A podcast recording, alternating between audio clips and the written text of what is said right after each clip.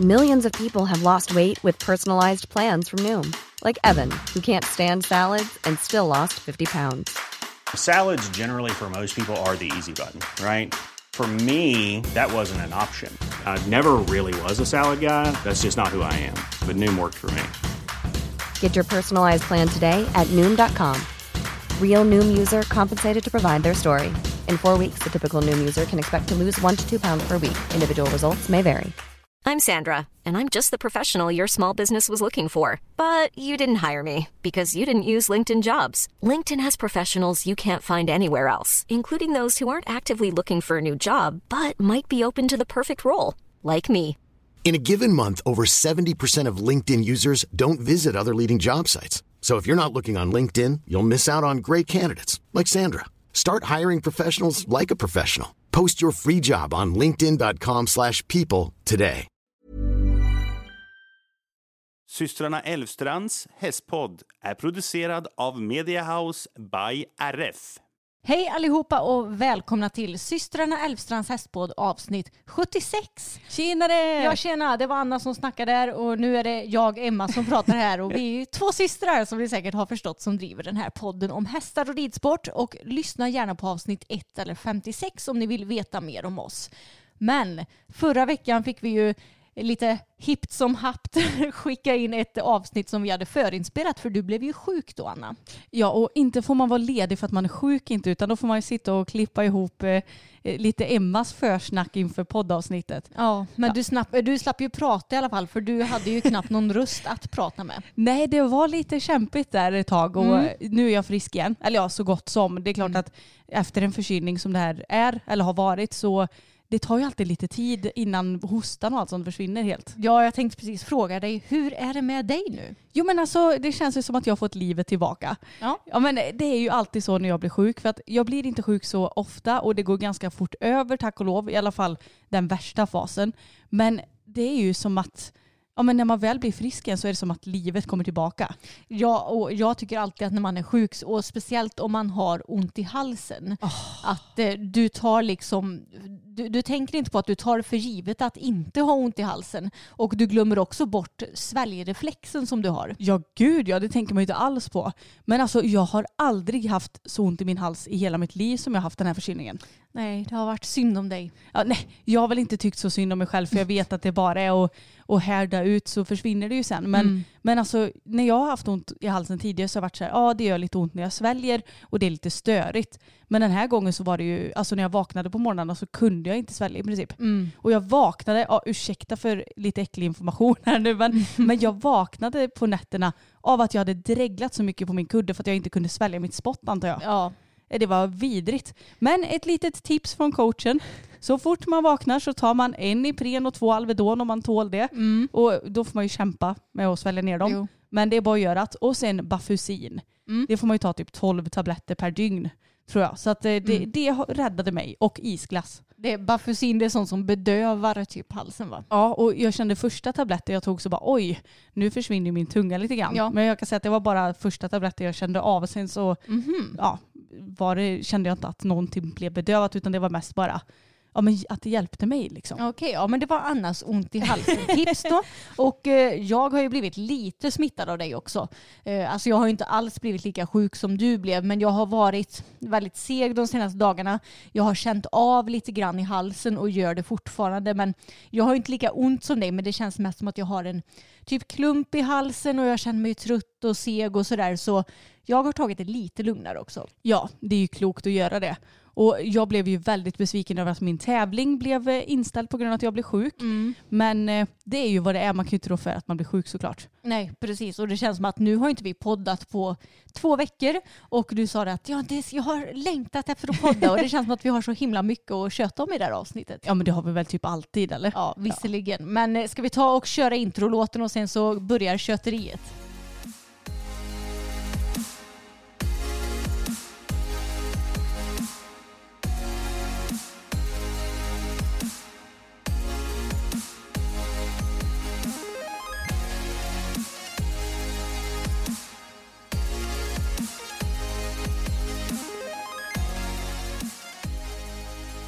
Ja, men när jag blir sjuk, då, jag vet inte hur det är med dig Emma, men jag blir ju ett barn igen. Jaha, på vilket sätt då? Ja, men med mina matvanor.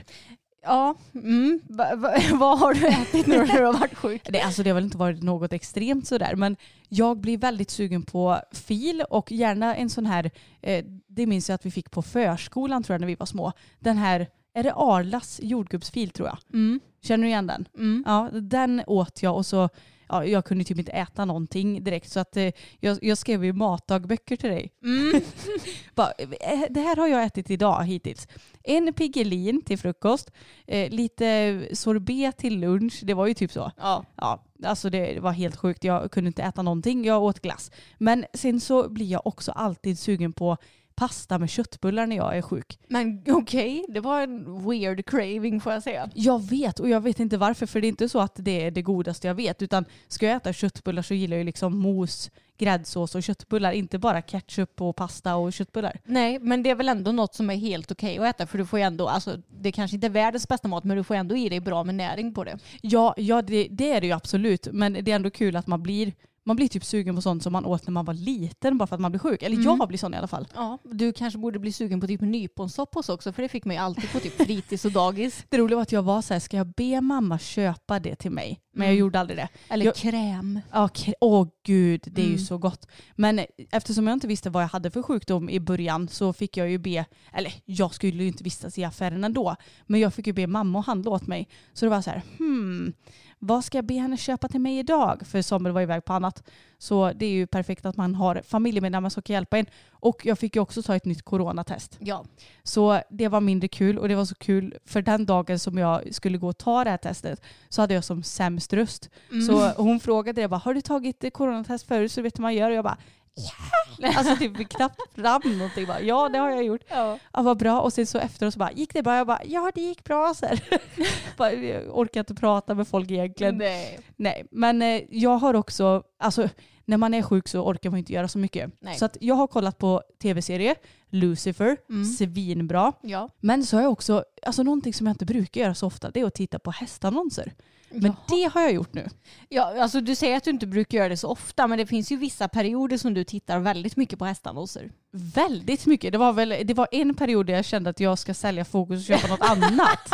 Annars så brukar jag väl inte göra det. Nej, nej, jag vet inte. Det tycker jag att det känns som. Jag tittar ju aldrig på hästannonser men du vet jag ju kikar ibland men det kanske, ja. Nej, inte så jätteofta. Okej. Men det hann jag ju göra nu i alla fall. Och alltså jag hittade ju en häst som jag verkligen ville köpa. Ja, du, den som du skickade till mig. Ja, och alltså nu ska inte jag berätta så mycket om den, men det var en skimmel. Jag brukar inte fastna så mycket för skimlar. Mm. Den såg typ lite ut som Levisto. Mm, Levisto Z som Julian Melchior red för ett antal år sedan. Ja, eller fast- Melchior eller hur man nu uttalar Ja, ja, det är lite oklart. Men eh, hon hade ju en väldigt, eh, vad ska man säga, karaktäristisk eh, blå kavaj på sig. Mm. Och Levisto hade en väldigt avklippt, tjock pannlugg, Mm. ponnylikt utseende. Och den här var ju mycket vitare än vad Levisto var. För Mm. Levisto var ju mycket mer grå. Ja, men han blev ju också vitare och vitare Jo. med åren. Men när han blev känd eller vad man ska säga. Ja.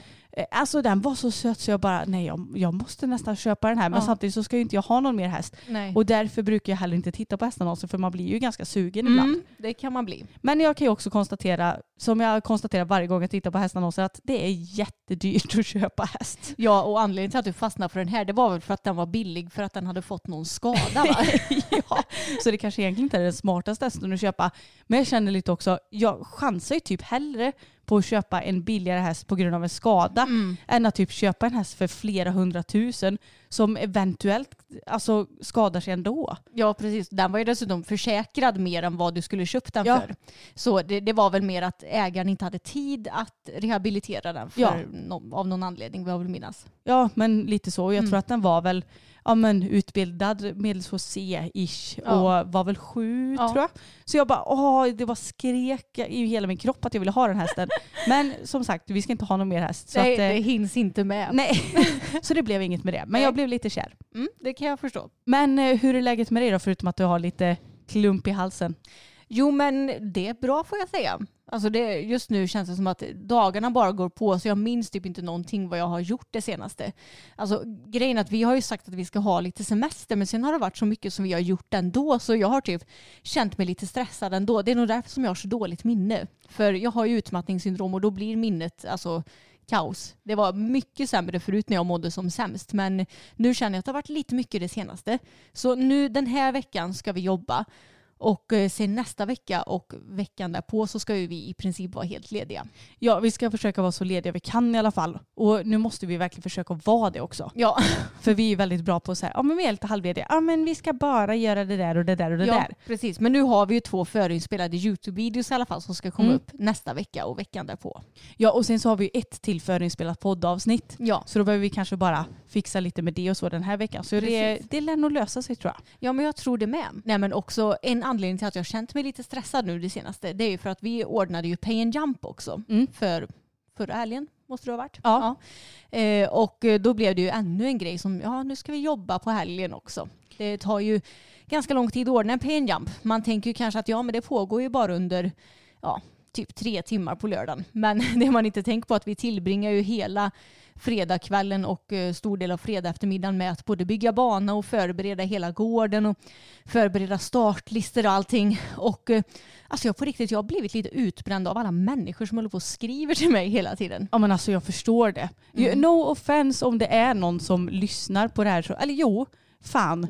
Nej men jag, jag, jag kan bli så här, folk är ju krångliga överlag. Mm. Och när det vankas PNJAM så ska ju folk anmäla sig till vissa höjder, eventuellt ändra någon gång längs vägen Mm. och sen ändra på plats. Och det, det kanske är för varmt eller kallt eller blåsigt eller för mycket flugor. Eller, alltså det, är så här, det frågas ju om allt. Ja men alltså nu inför den här penjampen så har det varit extremt med liksom krånglerier. Ja. och folk som har hört av sig till mig hundra gånger. Och många av de svaren som, eller många av de frågorna som de frågar, det står i propositionen.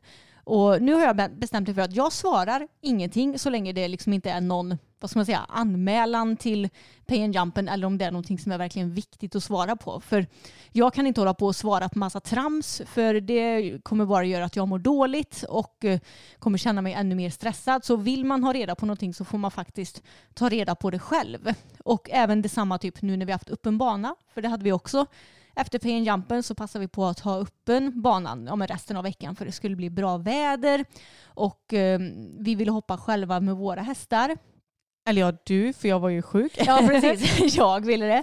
Och eh, så kände vi att ja, men då kan det lika gärna vara öppen. Och det har varit många som har kommit. Så Mm. det har ju, vi har ju ändå dratt in alltså, bra med pengar på den här öppna banan. Mm. Jag tror det är det mesta vi har dratt in någonsin när vi har ordnat upp en bana. Så det har ju verkligen varit bra. Men då är det samma där att folk ska fråga, ah, är banan ledig då eller då? Man bara, det står på Facebook. Alltså jag blir galen på folk som inte kan kolla upp någonting själva. Ja, men alltså, jag tror att det är anledningen till att vi tycker att det är så konstigt är nog för att det är så långt bort från vår verklighet som det bara går. Jag vet. Alltså du och jag är ju sån här, ska vi vara med på någon PMP eller bana så tar vi reda på allting själva, Mm. vi anmäler oss, vi kommer att göra vår grej och sen åker vi hem. Och Mm. förvisso är ju vi ändå ganska så här, vad ska man säga, erfarna med att tävla nu för tiden för att vi har ju Mm. ändå gjort det under många år även om vi inte har tävlat högt. Mm. Men jag förstår inte riktigt hur svårt det ska vara. Och nu vill inte jag klaga på de människorna som ändå gör att vi kan jobba med det vi, vi gör. Mm. Men jag, blir, jag, jag kan också bli lite matt på att människor Alltså är de lata eller vad handlar det om? Ja, att man men- inte orkar ta reda på saker Ja, själv? det känns som att så många vill få allting serverat eh, och all, inte ta reda på någonting själv som sagt. Mm. Och, och så har vi fått vissa så här konstiga frågor. Ja, men när vi ordnar Pay Jump till exempel så skulle det bli varmt. Eh, hur tänker ni gällande värmen? Jag känner bara, vad är det vi ska tänka på? Ja vi kan ju inte skugga paddocken. Nej, exakt. Och jag menar, folk får välja själva om de vill komma, men då behöver du inte anmäla dig och sen höra av dig efter att jag har fixat med startlistor och sådär och säga nej, jag kommer inte för jag tycker att det är för varmt. Nej, men säg till innan då. Du behöver kanske inte ändra höjder samma dag som eller utan då kan du också vara respektfull och fixa det innan. Men folk har inte så bra respekt alla gånger tycker jag. Nej, men jag tror inte folk förstår. Nej. Jag tror att det är det som är problemet, att de förstår inte att det blir ett extra arbete. Nej, precis. För det har blivit alldeles för mycket extra arbete nu för mig. Så det är nog därför som jag har känt mig lite stressad.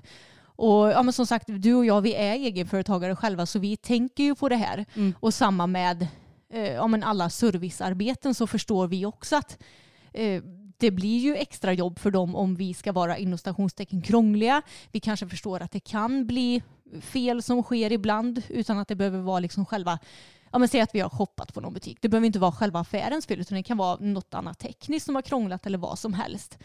Men det känns som att vissa är bara så krångliga. Ja, men jag tror jag pratat lite om det här förut, att man anmäler sig till ja, men säg 50 och 60, eller om man Mm. anmäler sig till två runder i 50 och tänker lite för sig själv att går det bra i 50 så kan jag anmäla mig till 60. Men det är också så här, det blir ju också arbete för oss. Mm. Eller för vem som helst, för ridklubben som anordnar pinjampen eller klubbhoppningen eller vad det än är. Mm. Alltså, och för mig är det så ofattbart. Jag, jag vet ju om att jag hoppar upp till en meter, känner mig för tillfället inte bekväm att tävla en meter, då hoppar jag max 90. Mm. Alltså, jag, jag, jag tycker inte att det är något konstigt. Nej, jag håller med. Men jag måste, bara, jag måste bara prata lite om det här med värmen. För det var ju Mm. ett par stycken som strök sig för att de tyckte att det var för varmt. Och jag känner att alltså, vi bor i Sverige. Även om vi människor tycker att det är svinvarmt här med 30 grader så är det ju långt ifrån så varmt som det är i många, många andra länder på jorden där man rider hästar och hästarna har ju oftast inte speciellt mycket problem av värmen utan det är ju vi människor som har det. Men jag menar då får man väl anpassa sig, du behöver inte rida fram så länge. Du får se till att ha på dig så svala kläder som möjligt, dricka mycket vatten.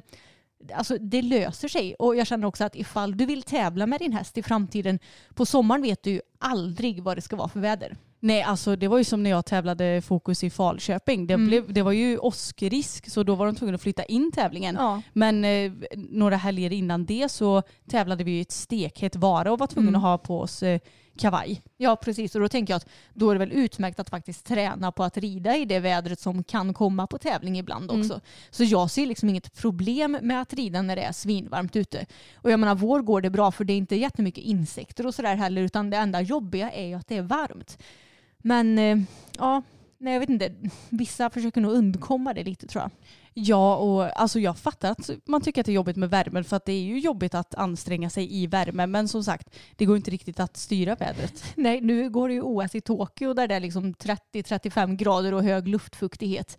Och det är inte som att de ryttarna bara, nej det är så varmt så jag tror att vi skiter i att åka till OS och tävla. Ja, alltså jag eh, har ju jag har kollat lite på Katrin Dufours eh, Instagram för att det är jätteintressant nu när de är iväg på stora mästerskap för att hon ja, men uppdaterar mycket om hur det är och sådär. Och bland annat så får inte hästarna lov att gå utanför luftkonditionerade stallet mellan 12 och 15 tror jag det är. För då är det ju som varmast på dagen och då måste de vara i sina boxar i det svala liksom. De får Ja. inte vara utanför boxen då. Nej, det är väldigt bra. Mm. För visst går typ alla tävlingar där på kvällen och sådär Ja, också va? Det Mm. gör de för att det ska Det vara bra. så ja, men trevligt för dem som möjligt. Ja, det känns ju som att de har en bra organisation där i OS. Ja, Ja. verkligen. Nej men nu har jag klagat av mig lite. Jag har bara blivit, det har varit för mycket nu och jag Ja. har, känner att det har, det har tagit energi och humör av mig eh, med krångliga människor. Jag tror att vi förstår oss ju inte på det för att vi inte är sådana själva. Nej, jag tror lite det också. Men det måste ju på något sätt kännas skönt för dig att du vet vad, vad, alltså vad det är som har stressat dig. Ja,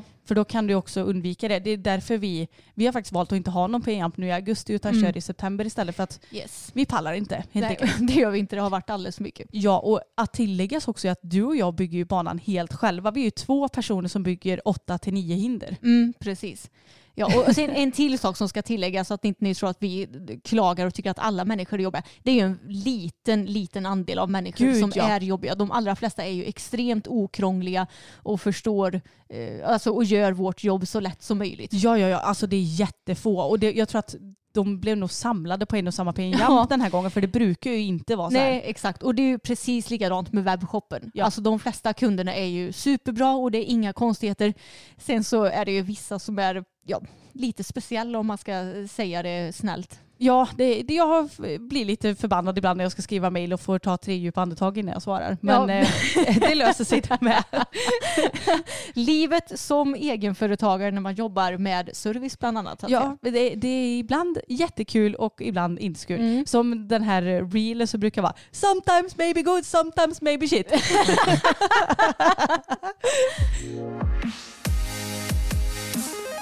Nej, men vi började ju snacka lite om OS och jag vet att nu när du har varit sjuk så har väl du kikat lite grann på dressyren va? Ja men det har jag gjort och eh, alltså, jag brukar ju inte följa dressyren kanske sådär supermycket men jag tycker ändå att det är lite kul att titta på. Och något som kanske är extra kul när det kommer till framförallt OS tycker jag eller kul och ibland lite skrämmande när det kommer till typ hoppning och fälttävlan då.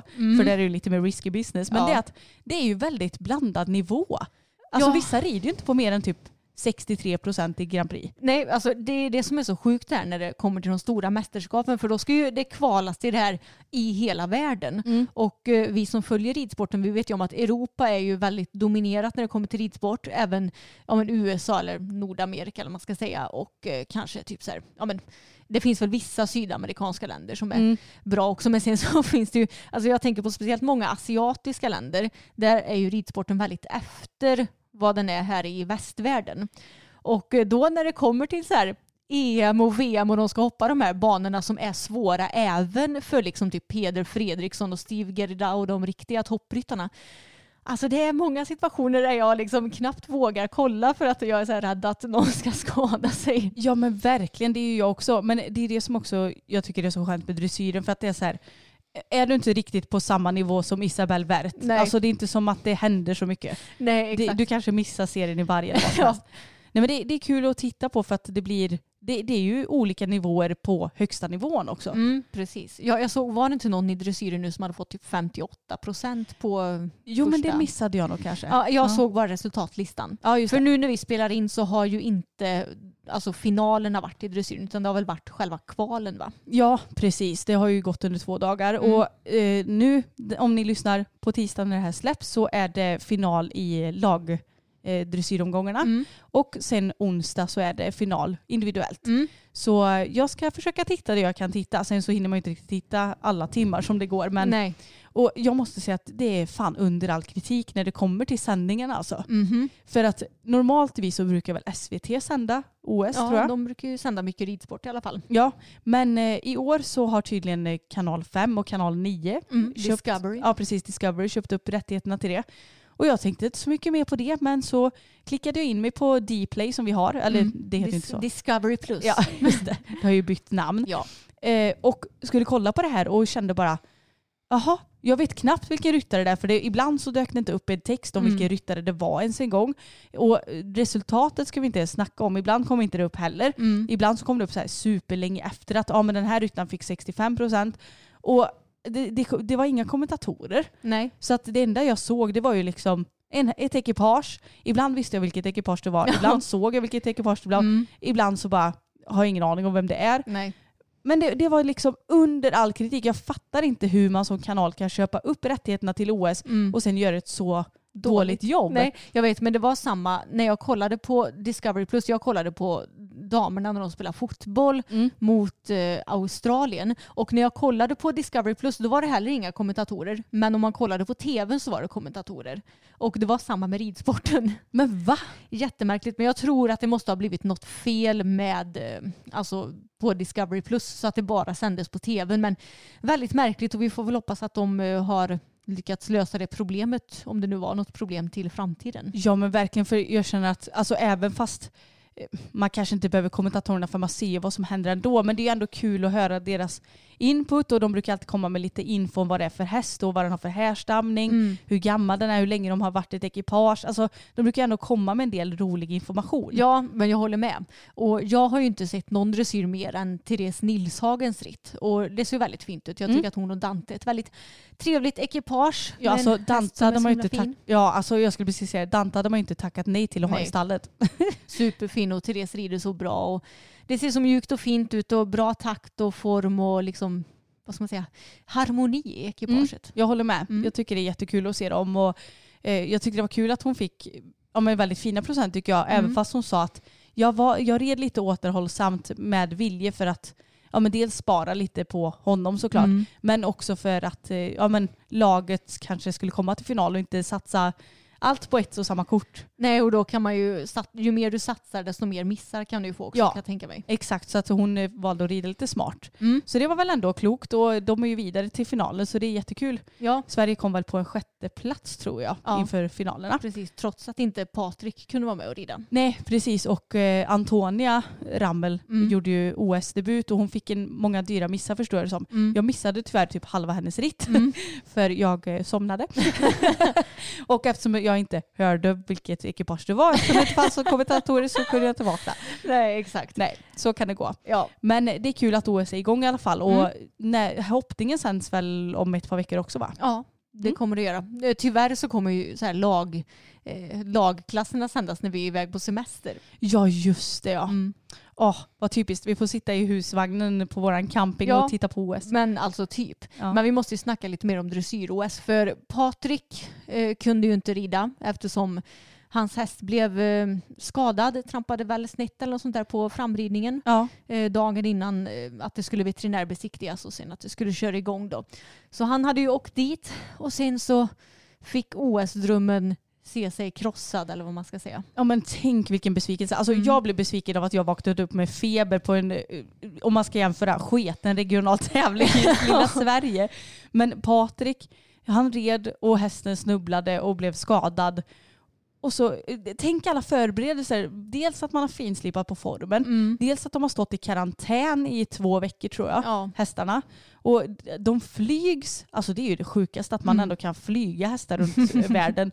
Och sen att man kommer dit och, och det ändå går bra och sen så går det bara Ja. så fort och så i kras. Det är det som gör vår sport så sårbar också. Ja, det är Du- ju just det. Du vet bokstavligt talat aldrig vad som kommer kunna hända. Nej, och det är ju för gott och ont. Ja, verkligen. Men jag tyckte att det var så alltså, kul och kul. Men en sak som jag reagerar på nu, eh, för Patrik la ju upp det här på sin Instagram att eh, ja, men Welly, kallas förresten för, Ja. hade trampat snett och skadat sig och att de inte kunde vara med.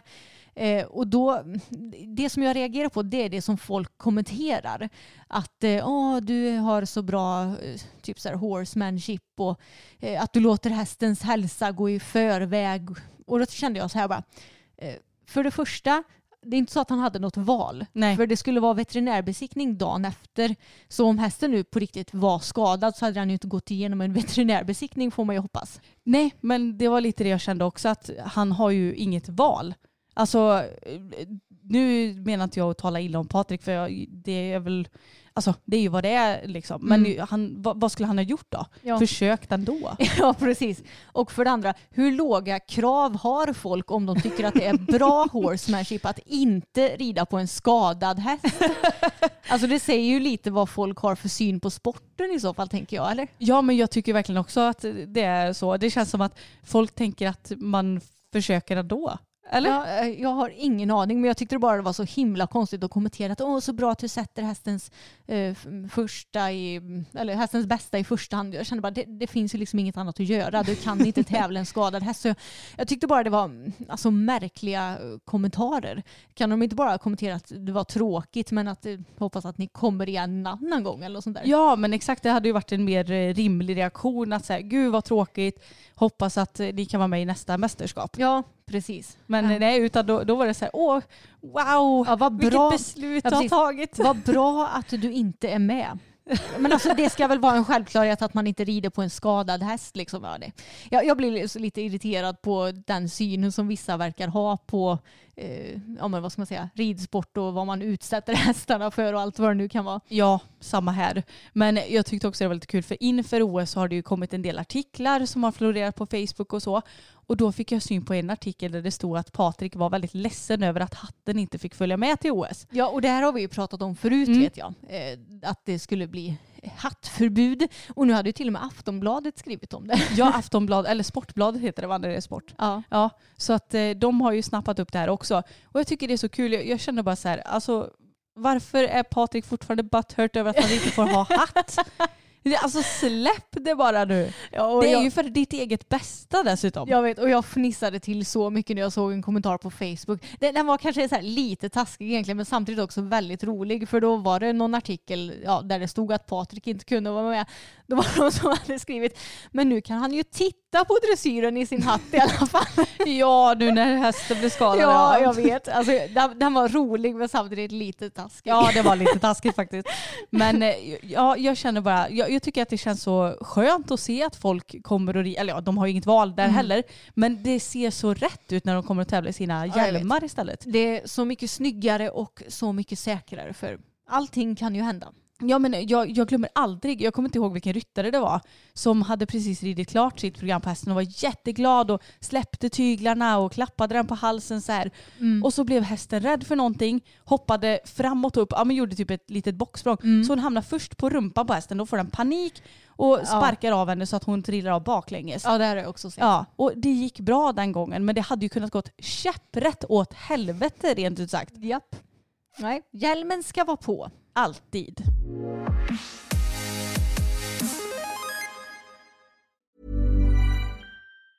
If you thought the only way to get a more defined jawline with natural looking results was through surgery, think again. Juvederm Volux XC is a non surgical injectable gel filler that improves moderate to severe loss of jawline definition and can help you achieve natural looking results with little downtime. Even better, this improved definition lasts up to one year with optimal treatment. No maintenance required. Improve jawline definition for a smooth, sculpted look with Juvederm Volux XC. For important safety information and to find a licensed specialist, visit juvederm.com. That's J U V E D E R M.com. Not for people with severe allergic reactions, allergies to lidocaine, or the proteins used in Juvederm. Common side effects include injection site redness, swelling, pain, tenderness, firmness, lumps, bumps, bruising, discoloration, or itching. There's a risk of unintentional injection into a blood vessel, which can cause vision abnormalities, blindness, stroke, temporary scabs, or scarring. Talk to a licensed specialist to find out if it's right for you.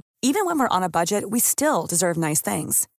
Quince is a place to scoop up stunning high-end goods for 50 to 80% less than similar brands. They have buttery soft cashmere sweaters starting at $50, luxurious Italian leather bags, and so much more. Plus, Quince only works with factories that use safe, ethical, and responsible manufacturing. Get the high-end goods you'll love without the high price tag with Quince. Go to quince.com slash style for free shipping and 365-day returns. Ja men Anna, du hade ju inga kommentatorer då när du tittade på dressyren. Nej, den glädjen fick jag inte. Nej, men någonting som är lite kul och ironiskt i och med det som vi har pratat om i podden tidigare det är att Henrik Jonsson ska ju referera ridsporten tillsammans med lite olika experter nu. Eh, Jaha, alltså kommentera. Ja, precis. Och han, eh, jag vill minnas att jag kollar ju lite grann på, eh, ja, men på Therese ritt och på tvn och då tror jag att det var Henrik och Peter Markne som refererade och pratade lite. Okej, alltså Peter Markner ser jag verkligen ingenting om för han är ju erfaren om någon. Men, men Henrik och kommentera dressyr, alltså are you freaking kidding me? ja, jag kan ju inte säga någonting om hans eh, prestation eftersom jag eh, inte har sett någonting. Men vi har ju pratat om det här förut och det är så kul för vi säger att Henrik han är ju med i nästan alla liksom, ridsport, eh, eh, alltså relevanta grejer när det Ja. kommer till så här tv-program och sådär trots att han själv inte är någon hästmänniska.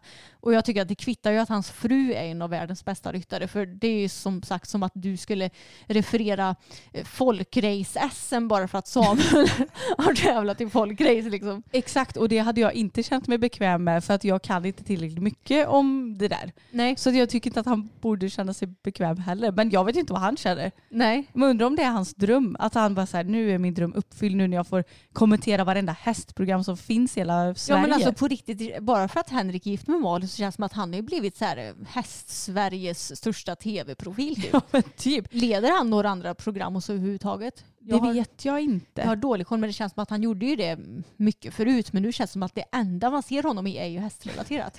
Ja men alltså gud vad märkligt om han ska kommentera dressyr. För att eh, alltså jag kan väl på något vis köpa hoppningen. Lite mer i alla fall. Men, Mm. men dressyr. Ja. Ja. Jag, jag, jag ska inte säga någonting för jag har inte lyssnat en sekund ens. Nej. Så att jag kan inte säga om det var bra eller dåligt. Nej. Men det känns bara väldigt random. Ja, men vi får kanske återkomma till så här Ja. nästa och kanske näst, nästa vecka och, eh, och se lite vad vi tycker om det hela då. Ja, det, spontant så kände jag bara, gud vad konstigt. Ja, och jag känner precis som tidigare att varför kan man inte bara ha ja, men experter som pratar om det? Det kan ju inte vara så svårt. Nu har vi ju Peter Markner till exempel. Och det är klart, Henrik han är ju en van mediaprofil men det måste väl ändå finnas fler eh, ridsportkunniga människor som ändå känner sig bekväma i att prata i tv. Ja men å andra sidan om jag tänker efter lite så när man har tittat mycket på hoppning så är det ju Lotta Björe och vad heter den andra? Anna Maria va? Ja kanske. Jag har för mig att i alla fall i början när de två var en duo Mm. så kunde väl inte hon Anna Maria så där jättemycket. Nej. Och ställde en del dumma, eller dumma frågor inom citationstecken. Men å andra sidan så tänker man ju kanske inte, för jag menar du och jag, även fast vi inte rider på högsta nivån Mm. så kan vi ju ändå en del om hästar och, och Ja. sånt. Men det kanske inte är så dumt med de inom citationstecken dumma frågorna som hon Mm. ställer för att det är kanske någon som inte kan lika mycket Ja. som Lotta kan. sv- Alltså då blir det ändå en dynami i det hela. Precis, det är, nog, det är nog sant faktiskt och kanske kan vara bra att någon som inte är lika rutinerad är med för då ställer de frågor som tittarna Mm. kanske hade ställt och eh, någonting som Lotta till exempel som är väldigt rutinerad hon kanske inte ens tänker på att det finns sådana frågor att prata om. Nej, för ibland så kan man ju bli lite kunskapsblind kan jag tänka mig. Att Mm. så här, ba, man bara tjatar om, ja men nu går hon in i den här piruetten och så är det så självklart vad en piruett är. Ja, Men det, så där kanske, det kanske kan bli lite så med Peter Markna och Henrik att de kan bli Lotta och Anna-Maria. ja men eh, kanske. Och sen så, jag har så dålig koll, jag har inte läst på så mycket inför det här OS så jag vet inte vem som ska referera fälttävlan och eh, hoppningen sen. Nej. Men eh, det får vi se, det blir väl säkert någon annan expert. Men det ska bli kul att se i alla fall. Vi får eh, komma med våra åsikter senare och vi har, vad ska man säga, ett öppet sinne. Det har vi, vi är ju inte stängda. Nej, verkligen inte. Vi snackade ju lite om hjälmar förut i OS och eh, det är ju något som vi alltid har på så vi har ju pratat om det att jag har varit lite ung och dum och gjort några fotograferingar utan hjälm men att det numera inte har hänt på jag vet inte hur många år. Tio, ja, inte riktigt tio år, men Nej. nästan. Ja, många år i alla fall. Och Folksam är ju ett försäkringsbolag och de gör ändå alltså, ridhjälmstester väldigt regelbundet vilket Mm. jag tycker är jättebra. För att det är ju dumt att testa det på en person ifall hjälmen inte funkar så bra. Och jag tänkte kolla lite här vilka hjälmar som faktiskt är bäst. Mm. Och den, den hjälmen som har fått bäst i test det är Charles Owen My PS Wide Peak. Och ehm, alltså den här hjälmen är ju, alltså nu ska man inte vara så utseendefixerad när det kommer Mm. till hjälmar utan det är bättre att titta på vilken hjälm som är säkrast. Men det är ingen vacker hjälm. Okej, jag har ingen aning om vad det här är för hjälm. Nej, jag kan visa dig. Är det en sån Mips-hjälm som man säger i Sverige? För du sa Ehm. My PS, är det Mips? Ja, det kanske det är ja. Mm. Myps. Ja, förlåt. Mips. Men det, det står särskrivet där. Jaha, ja, jag, jag har ingen aning. Men jag vet Men det att är nog Mips ja. Ja. Eh, Den ser ut så här Emma. Nu ska vi se. vi får ta och lägga ut bild på story Mm. på Instagram. Där har du den. Ja, nej, det var inte den snyggaste hjälmen jag har sett heller kanske. Nej, och grejen är att jag tror att det beror på att den här poloskärmen är så extrem så att det är nog det som inte tilltalar mig riktigt. Mm. Men är den säker så är den ju säker och då spelar ju inte det någon större roll. Nej. Sen så är Back on Track bra val. Ja. Eh, De är också med Mips tror jag om jag inte Mm, minns helt fel. det, det vet jag att jag har hört tidigare. Och sen så har 1K en Mips-hjälm också, Mm. vilket också är ett bra val. Men eh, jag har insett Emma Mm. att våra 1K-hjälmar som inte har Mips Ja, är inte jättebra. aj då. Mm. Jag, jag ska se om jag hittar alla. Eh, nu ska vi se. Ja, för de hjälmarna som jag rider mest med idag, det är ju dels en svingammal JV-hjälm, Ja. Charles Owen JV, som säkert är över tio år gammal, som jag egentligen absolut inte borde rida med, men som jag tycker är så fruktansvärt skön. Mm. Eh, som jag säkert har ramlat av med ett antal gånger också. Har Mm. väl inte stått i huvudet sådär jättehårt vad jag kan minnas, men jag- den har säkert åkt i backen liksom. Så den borde jag egentligen inte rida med. Och sen så har jag ju min 1K-hjälm och det är väl av ja, men standardmodell eller vad man ska säga, Mm. som är lite mer lättvikt. Och den är ju, gillar jag också väldigt mycket egentligen. Ja men jag älskar också mina 1K-hjälmar för jag tycker de är väldigt bra.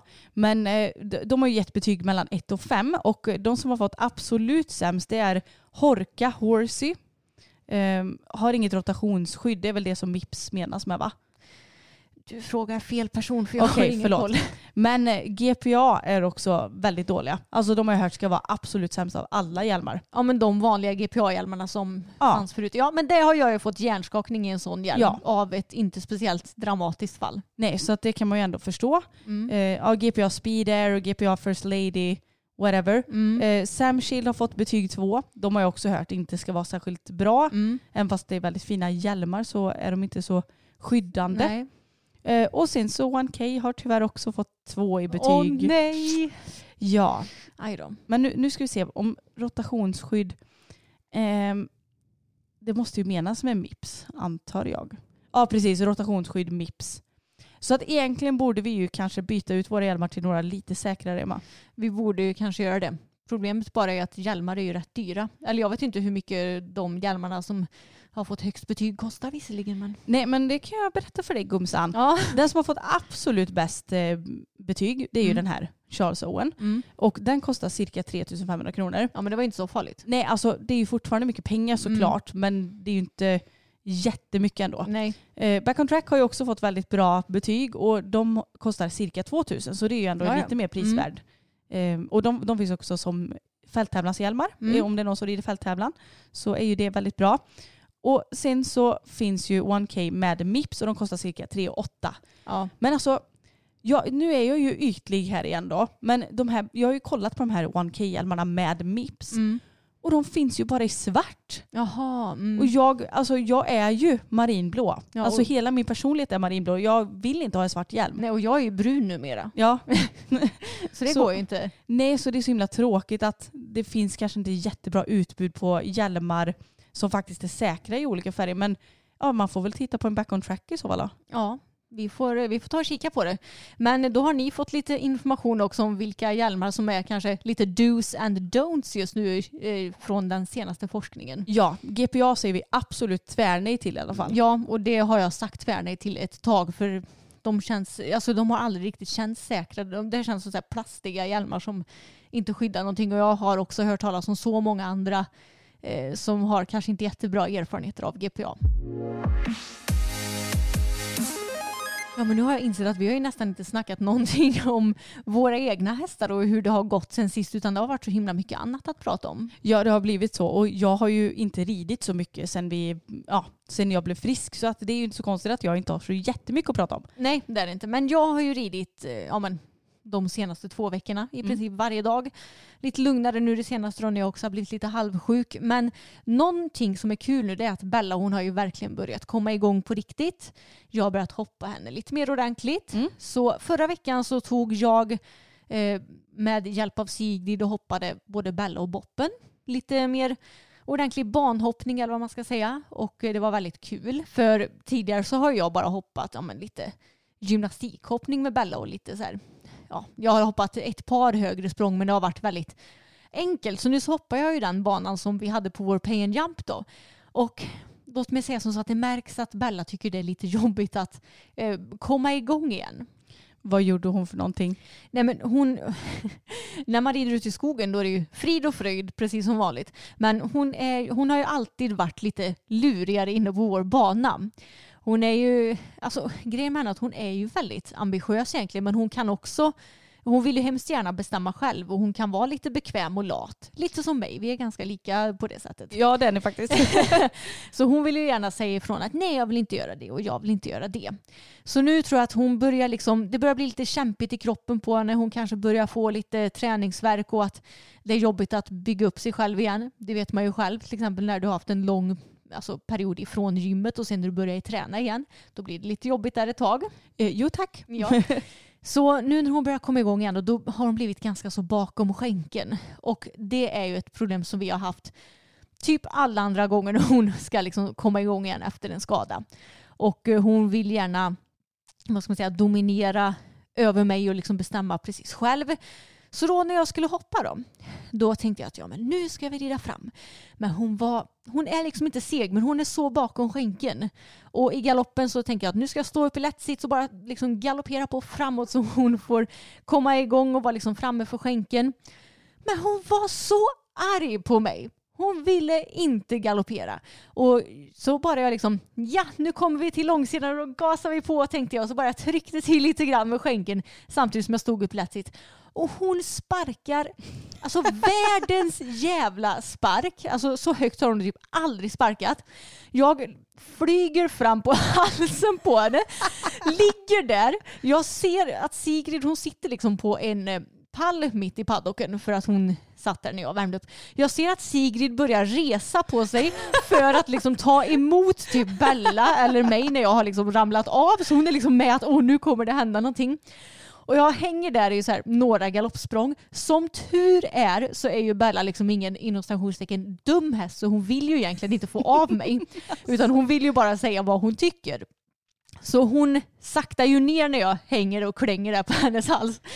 Och som tur är så har jag ju tränat en del bål det senaste så jag lyckades, jag lyckades ta mig tillbaka i sadeln igen och då stannade Bella. Men alltså galopperade hon hela vägen medan du kravlade tillbaka i sadeln? Ja, jag tror Ja. det. Galopperade ganska långsamt då. Ja. Så om hon hade typ antingen tvärstannat eller typ lagt av en till spark eller vad som helst. Eller hoppat åt sidan? Ja, alltså då hade jag landat på marken. Jag var ju verkligen beredd på att nu kommer jag ramla av. Men samtidigt så försökte jag verkligen komma tillbaka i sadeln och det lyckades jag med. Ja men bra jobbat gumman. Ja men tack så mycket. Men vi hade det ju lite kämpigt ett tag där kan man säga. Men sen så när hon väl kommer igång och hoppar. Jag har ju lagt ut den här hoppningen på min Instagram och jag tror inte att det är någon som tycker att det ser konstigt ut på den filmen utan där ser hon ju liksom fin och framåt och det var hon ju också när hon väl kom igång. Men det är ju det där att få henne dit som är så jäkla jobbigt nu Eh, och nu har vi inte kunnat eh, träna så mycket för Anna heller, vår mentaltränare och då blir, då blir allting jobbigt med Bella. Alltså ridningen blir jobbig, hanteringen blir jobbigare. Ja, hon, hon är ju liksom en skarp häst även om hon är jättesnäll och lugn och allt vad det är så har hon ju extremt mycket egen vilja. Jo det kan man verkligen säga. Och alltså, jag låg ju hemma och var sjuk när det här var. Och så skickade de en film till mig och bara så här går det när, eller när Bella inte är framme på skänken. Och då, då ska de komma på första hindret på banan va? Och så kommer de och så säger Emma ja och så gasar vi på framåt och Bella lyssnar inte en halv millimeter Nej. ens. Så ni kommer ju lite skumt på hindret. Och men lyckas ändå kravla er över helt felfritt. Och efter det så säger bara till Bella ja så här går det när man inte lyssnar framåt. Så här, Ja. Jättearg. Verkligen, men jag blir så trött bara. Om du hade lyssnat så hade vi kommit jättefint på så här framåtläge, två språng. Men nej, då liksom typ så här, saktar hon nästan av som tar ett till galoppsprång innan hindret och kravlar sig och man bara vad hade varit lättast? Att gå framåt så att vi smidigt och fint kan komma över hindret än att göra, än att vara en liksom tjurig liten kärring som du är. Ja men alltså lite sån här är ju- fokus när man hoppar också emellanåt. Fast jag är lite mer sån att jag låter honom vara. För att det, för honom, alltså Bella kan du ju ändå på något vis eh, inte säga till men ändå så här, jo men nu går vi framåt så går ju hon framåt. Men fokus är ju lite sån att ju mer jag skänklar på desto långsammare går han. Så att då får man ha lite is i magen och låta honom ja, men ha sin slögalopp då. Han får lite skylla sig själv om han river hindret för att han inte har tillräckligt med galopp. Ja. Och jag tror att, jag tror, för vår del i alla fall, så tror jag att det är ett vinnande koncept att han kanske till slut lyssnar lite mer på mig Ja. än att försöka göra egna beslut som kanske inte är så smarta alla gånger. Nej men det roliga var att efter ja, den, det misslyckade hoppet då var det som att Bella bara ah, okej jag kanske inte ska göra så här. Nej. Och då kom vi på banan igen och då gick det jättebra. Så jag, jag tror att hon, behöver få sig ett litet wake-up call ibland och göra, att lära från sina egna misstag eller vad man ska säga. Ja men jag tror att vi som ryttare vi är väldigt duktiga på att försöka att dölja alla hästens misstag och, och försöka att hjälpa hästen till 100% men jag tror att många gånger så kanske det är bättre att de faktiskt får, ja, men får göra lite fel. Sen ska man ju såklart inte sätta en häst i skiten. Nej. Men att de ändå får göra lite småtabbar så att de kan lära sig att ah, jag behöver vara lite mer så här. Ja, exakt. Eh, Så det var ju lite kämpigt ridpass på Bella, även om hoppningen gick väldigt bra. Och det roliga är att två dagar senare så red jag dressyr. Och då var hon så jävla framme för skänkedet plötsligt. Då var hon svinfin. Så det är verkligen så här från dag till dag. Men det är väl också typiskt ston kan jag tänka mig. Ja men det känns ju lite så, även om man kanske inte ska vara helt fördomsfull Nej. heller. Men nu har hon verkligen börjat komma igång ordentligt. Vi har varit ute och konditionstränat lite och hon blir eh, alltså starkare och starkare. Så det är väldigt roligt även om hennes humör varierar så att säga. Eh, så jag kan säga att den eh, gången som jag hoppade då hoppade jag ju först Bella och sen boppen och när jag kom upp på boppen så var det bara ah, Nu är jag hemma. nu är jag hemma, nu rider jag på min snälla vallack som jag alltid vet vad jag har honom och han var så himla fin också så det var, det var väldigt roligt. Ja, men jag sa det till dig, det såg ju nästan för enkelt ut för er. Ja, och han har ju inte hoppat direkt sen tävlingen. Alltså lite grann någon gång kanske. Ja. Eh, ja. Så det, det var väldigt kul. Så Boppen och Bella, tipptopp nu. En kille som det inte är så bra med just nu det är stackars lilla Tage. Ja, stackars Tage. Alltså, det var så himla tråkigt för honom för att i fredags var det va? Skulle vi Ja. rida ut med pappa och hade tagit in, ja Bella skulle vila. Mm. Så vi hade tagit in alla grabbar, gjorde i ordning dem och så här och frid och fröjd och, och glömde att kratsa hovarna inför. Mm. Vilket ju, ja, det, det kan hända. Liksom. Mm. Och i synnerhet nu när det är så torrt. För då är ju hovarna typ alltid rena ändå. Mm. Men i alla fall så skulle vi gå ut och Emma bara, men gud Tage haltar ju. Mm. Alltså när vi skulle leda ut från stallet. Ja. Då visade det sig att i hans ena framsko så satt det en kotte fastkilad. Ja. Alltså precis där uppe vid där strålen är som bredast. Mm. Hade en kotte kilat sig fast. Så han är lite halt nu. Ja, han är halt stackaren. Jag fick ju loss kotten men det blev inte bättre. Och eh, nu, eh, nu tycker han, han är ju världens känsligaste häst också. Så han tycker väldigt synd om sig själv. Och Mm. Vem vet, det kanske är någon eh, liten hovbull eller stengall eller sådär. Men vi har tagit bort skon och satt på en barfota sko istället. För jag var osäker på att tänk om det sitter fast ännu mer kotte under själva skon. Ja, Så det vill vi ju inte att det ska göra. Och har vi tagit av skon så är det lättare att eventuellt hitta någon hovbull då sådär också. ja och jag tänker att eh, alltså, nu har ju trycket försvunnit så att det kanske bara behöver läka ut också. Ja, så nu rids ju inte Tage just nu men han ska nog vara fit for fight snart igen och innan det här lilla eh, den lilla grejen som händer nu så har han ju varit superfin också. Ja, det var, blev jag så glad för när du skrev det. Att eh, Sigrid hade ju ridit honom och hon Mm. har ju tidigare tyckt att när, han, när hon har ridit på banan att han varit lite seg och, och att det är framförallt är när man hoppar honom som han verkligen kommer igång. Men nu så sa hon att han hade varit jättepigg och fin. Ja, har han varit. Så det är ju tråkigt att han ska behöva vara med om en kottolycka här nu. Ja, och ironiskt nog för vi har ju, alltså jag känner bara vart fan kan han ha trampat på den där kotten? För det, vi har ju liksom, jag har nog aldrig någonsin sett en enda kotte i vår hage tidigare. Nej men det kanske är någon ekorre eller något som har råkat släppa den i hagen. Ja men så alltså får vi skylla på ekorren. på riktigt för det finns liksom inga kottar här. Men Nej. Det, det lyckades han med stackaren. Ja men alltså det är så typiskt Tage att lyckas med det omöjliga känns det som. Dels Ja. det här med kotten, men vi har väl också berättat i podden om när han trampar på en spik va? Ja. Ja, och för er som inte har hört detta som kanske är lite nya så var det en gång när vi stod uppstallade på ridskolan så kom pappa till stallet och så stod Tage på tre ben och så stod han och höll upp ena framhoven så här. Mm. Och pappa bara, gud vad märkligt han står. Så då gick han och tittade på Tage. Och då ser han att det är en sån här, ja men ni vet sån här riktig lång träspik. Jag kommer inte Mm. ihåg hur många tum en sån kan vara. Nej. Men den är skitlång, alltså säkert nästan en decimeter lång. En rostig sån satt inkilad i hans sula, typ en halv till en millimeter bara. Mm. Så att pappa kunde ju enkelt bara vicka ut den och så var det bra sen. Han blev ju inte Mm. halt eller någonting. Nej. Men där var han ju faktiskt väldigt smart. För hade Ja. han trampat till på den, alltså det hade ju kunnat gått riktigt illa. Men det är det som är bra med hästar som Tage. Han är ju väldigt försiktig. Och det var ju någon gång på ridskolan också som han hade typ, han hade fastnat i sitt täcke. Ja men det här fattar Ja. jag inte hur det gick till. Inte jag heller. Det är så kul för jag skulle komma till hagen och då står Tage han en höhög typ så här en meter framför sig som han inte... det ser ut som att han står med huvudet i backen och ser jätteledsen ut för att han liksom inte kommer fram till den här höhögen. Och jag vet än idag inte hur han har lyckats men han har alltså fastnat i täcket med sin ena, eller täcket har typ fastnat i hans sko på något jävla vänster. Ja, ja för då hade han ju järnskor även i bak. Mm. Och jag tror att det var eh, bensnöret som hade typ snurrat Ja. sig fast va. Men det jag inte fattar är att höhögen såg ut att vara ganska färsk. Ja. Färskt ditlagd. Mm. Har någon alltså sett Tage sitta fast i sitt täcke, skitit i det, gett honom hö, så står han där och ser ledsen ut. Ja, han kunde inte komma fram Nej. till höet. Men då är alltså, i, i en sån situation, vissa andra hästar hade kanske fått så här panik, för hästar är ju ett flyktdjur och eh, när det blir sån, något sånt där tryck så vill de gärna liksom fly ifrån det. Eller man ska säga. Men han är så smart så han står ju och väntar på att någon ska hjälpa honom. Ja men då undrar jag ju om inte Tage är en ko ibland alltså. Mm. Som bara, okej nu sitter jag fast, nu måste jag vänta här. Ja. Nej, det är några roliga historier om Tage helt enkelt. Ja. Ja. Men eh, fokus är igång igen. Jag lät honom vila när jag var sjuk för att jag hade ju, alltså, min grundplan var ju egentligen att jag skulle tävla den här tävlingen, rida ut på måndagen efter tävlingen och sen att han skulle vila typ fyra, fem dagar. Mm. Men eh, det blev lite tidigare lagt då eftersom att jag blev sjuk. Men det passade ändå ganska bra för jag är sån här att jag brukar inte försöka planera in vilor för att de kommer ganska naturligt ändå. Ja. Man är alltid sjuk eller så blir hästen lite skadad eller det händer någonting. Mm.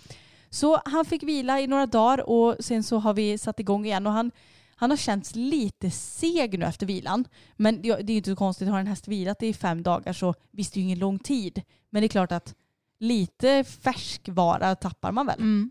Så han har varit lite seg men ändå väldigt fin. Och vi har ju faktiskt tränat för en ny tränare också. ja, det får du berätta om. Ja, eh, vi tränade för Johan Lundgren heter han och han kommer från krokarna här. Och ehm, alltså det var väldigt kul för att jag, jag är väldigt dålig på själv att så här, hitta nya tränare och prova olika tränare och sådär. Utan jag är så här, ja men den här tränaren funkar, då kör vi på den. Och så tänker jag inte så mycket mer på det. Men nu så skulle vi ha en lagträning för att vi ska vara med i division 2 i hemmaklubben och då var det folk som önskade den här tränaren och jag sa jag, jag bryr mig inte tänkte jag säga utan jag är uppe för förslag eftersom jag är så dålig på att hitta tränare själv. Mm. Och då blev det Johan. Och det var väldigt kul för att han var väldigt fokuserad på att hästen ska vara i balans själv och att inte ryttaren ska hjälpa den så himla mycket. Mm. Och det tycker jag är väldigt klokt. Och det kändes ju, jag, jag kände mig nästan som en nybörjare kan jag säga. För att mi, mina händer de levde sitt eget liv, eller de lever sitt eget liv och så ska man helt plötsligt ändra på det. Och det är ju så fruktansvärt svårt. Ja. Men kan du säga lite mer konkret vad du fick göra för någonting då? Ja, alltså hela passet red vi på en volt. Så att det var inte så att vi tränade på en massa rörelser och grejer. Men så blir det ju kanske ofta om man byter tränare eller Ja. rider för en ny tränare. För att det är så här mycket grunder som man behöver lägga i början. Och det kanske inte är skitkul så här de första gångerna men det är ju nödvändigt också. Så att vi red på en volt i olika gångarter. Och framförallt så fokus han är ju en sån här som glider ut åt vänster. Mm. Eh, och då sa Johan det att ja men anledningen att han gör det det är ju för att kompensera upp dig. Och det är inte, handlar inte om att han är en häst som gillar att glida. Jag menar det är ju inte han i hagen. Det är inte som att han flyter ut åt vänster då. Nej. Så det beror ju på mig och jag har inte riktigt reflekterat över det. Även fast Anna har egentligen sagt samma sak Mm. så har det nog krävts två personer för mig att fatta att det verkligen är så här. Ja, för lutar du dig lite, åt höger? Ja, Johan vill ju att jag ska göra det nu. Att jag ska sätta mig mer åt höger. För du vill gärna vika dig i höger sida kanske? Ja, jag vet inte hur jag brukar göra. Mm. För så långt har jag inte reflekterat.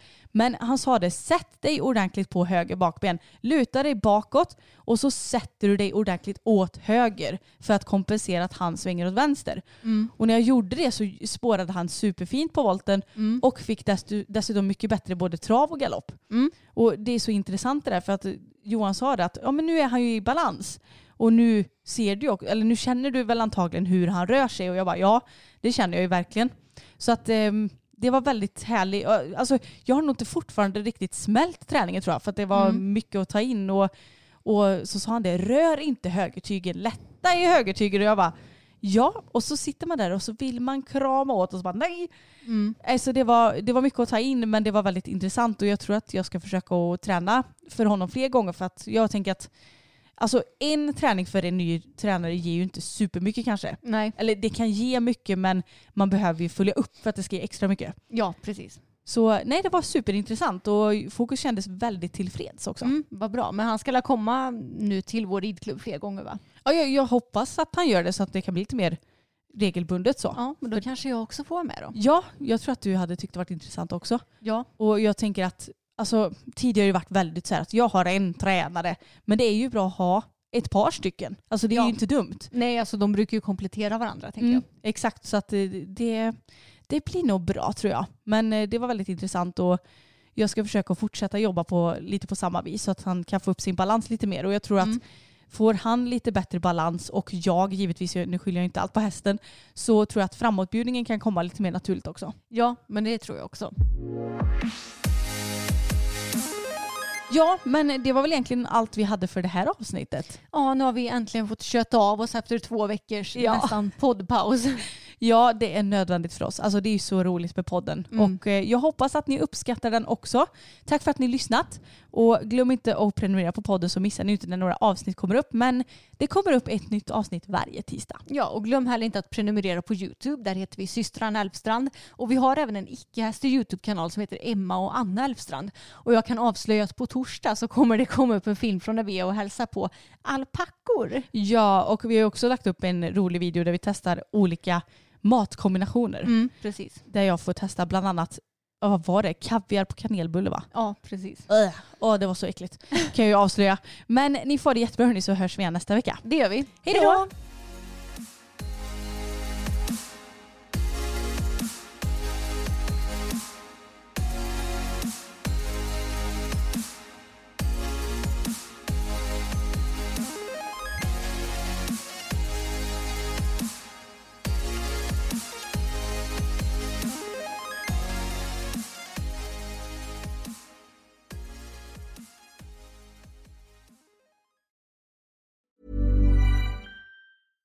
Flexibility is great. That's why there's yoga. Flexibility for your insurance coverage is great too. That's why there's United Healthcare Insurance Plans. Underwritten by Golden Rule Insurance Company, United Healthcare Insurance Plans offer flexible, budget friendly coverage for medical, vision, dental, and more. One of these plans may be right for you if you're, say, between jobs, coming off your parents' plan, turning a side hustle into a full hustle, or even missed open enrollment. Want more flexibility? Find out more about United Healthcare Insurance Plans at uh1.com. Mom deserves the best, and there's no better place to shop for Mother's Day than Whole Foods Market. They're your destination for unbeatable savings, from premium gifts to show-stopping flowers and irresistible desserts. Start by saving 33% with Prime on all body care and candles. Then get a 15-stem bunch of tulips for just $9.99 each with Prime. Round out Mom's menu with festive rosé, irresistible berry chantilly cake, and more special treats. Come celebrate Mother's Day at Whole Foods Market.